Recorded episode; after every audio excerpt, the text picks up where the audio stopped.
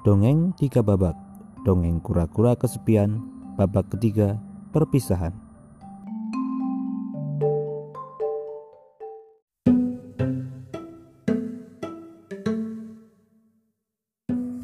Ada kejadian-kejadian di muka bumi ini yang tidak bisa dicerna nalar Seperti yang ada di hadapan Oli sekarang.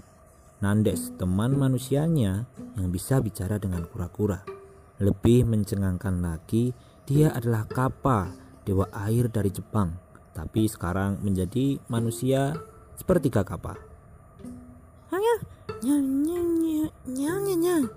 Oleh bingung, tak tahu ia harus bertanya apa dan merespon bagaimana. Sepertinya harus aku jelaskan dari awal. Nandes dan Ole duduk bersama di pinggir kolam. Jadi, bangsa Kappa sudah lebih dulu hidup di daratan Jepang daripada masyarakat Jepang sendiri. Dan bangsa Kappa memiliki satu pemimpin yang disebut dewa. Fisik Kappa malah lebih mirip kura-kura sebenarnya, mempunyai tempurung dan paruh sepertimu oleh. Namun bedanya, kita bangsa Kappa punya tubuh, tangan, dan kaki seperti manusia, tapi jari jemari tangan dan kakinya berselaput Awalnya bangsa Kappa berperang melawan manusia karena memperebutkan wilayah untuk hidup. Karena manusia menolak untuk hidup berdampingan bersama Kappa. Tapi pada akhirnya kita memilih untuk berdamai dan para Kappa memilih hidup di air. Ketika perang dunia berkecamuk, Kappa dan manusia bersatu kembali dan saling bahu-membahu.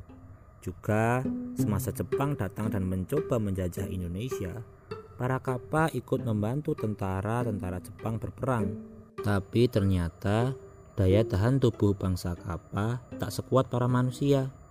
Selain dari korban saat peperangan, banyak dari kita gugur karena kelelahan, perbedaan cuaca, dan kelaparan. Apalagi setelah Jepang hancur karena bom atom, bangsa kappa sudah tidak punya tempat tinggal lagi. Akhirnya, sebagian kami yang masih hidup dari peperangan menyebar dan sembunyi-sembunyi untuk bertahan hidup. Dunia berkembang, tapi kami para kapal malah semakin kesulitan untuk hidup berdampingan dengan manusia. Akhirnya seluruh kapal yang tersisa yang masih ada di Indonesia dan tidak kembali ke Jepang membuat perkumpulan agar kita bisa lebih erat, lebih kuat untuk saling melindungi satu sama lain. Perkumpulan itu kita kasih nama K-pop, kumpulan kapal penyintas perang Indonesia. Nyanyanya, Nyonya, Oleh menanggapi cerita Nandes. Nyonya, Tanya Oleh. Aku pun tidak tahu bagaimana persisnya aku bisa berubah menjadi manusia seperti Kakapa. Tapi aku masih ingat.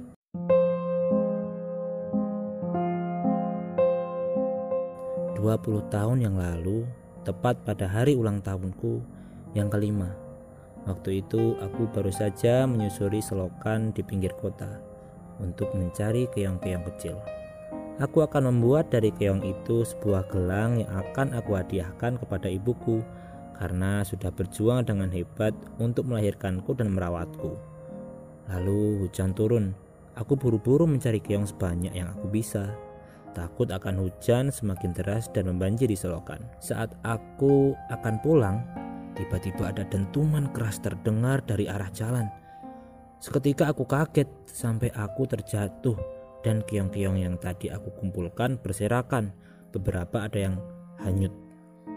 Saat aku akan mengumpulkan keong yang berserakan itu, ada sesuatu yang menimpa kepalaku sehingga aku pingsan. Kemudian aku terbangun, ada banyak manusia mengerubungiku. Aku kaget, takut, tapi tak bisa lari Tubuhku lemas.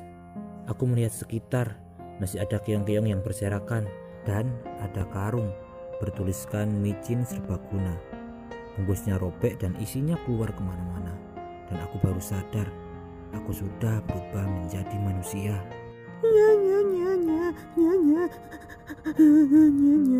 Oleh menangis mendengar cerita Nandes. Cup, cup, cup. Nandes menenangkan dan melanjutkan ceritanya. Kemudian orang-orang itu membawaku ke rumah sakit. Akhirnya karena aku tak punya siapa-siapa, aku diangkat anak oleh suster yang merawatku. Sedihnya, baru seminggu yang lalu, aku baru saja bisa bertemu ibu kapaku. 20 tahun waktu yang harus aku lewati agar bisa memberikan gelang sebagai hadiah perayaan ulang tahunku yang kelima untuknya.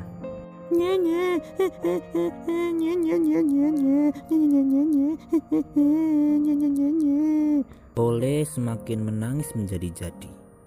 Cup, cup, cup. Eh, Oleh, boleh nggak nangisnya berhenti dulu? Aku mau ngomong. Setelah itu kamu boleh nangis lagi deh. Oleh menghentikan tangisnya. Oleh, eh, maaf, aku harus kembali bersama ibu kapaku dan keluarga kapak-kapaku yang lainnya.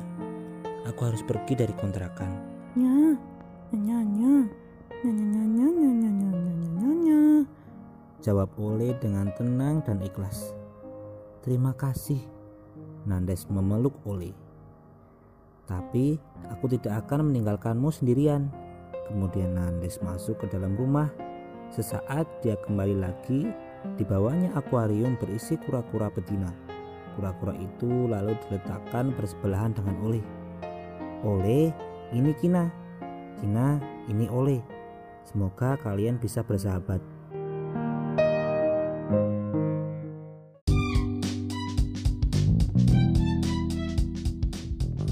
Terima kasih telah mendengarkan. Cerita dongeng kura-kura kesepian ditulis sendiri oleh Yom Yom. Nantikan dongeng tiga babak lainnya di episode-episode berikutnya.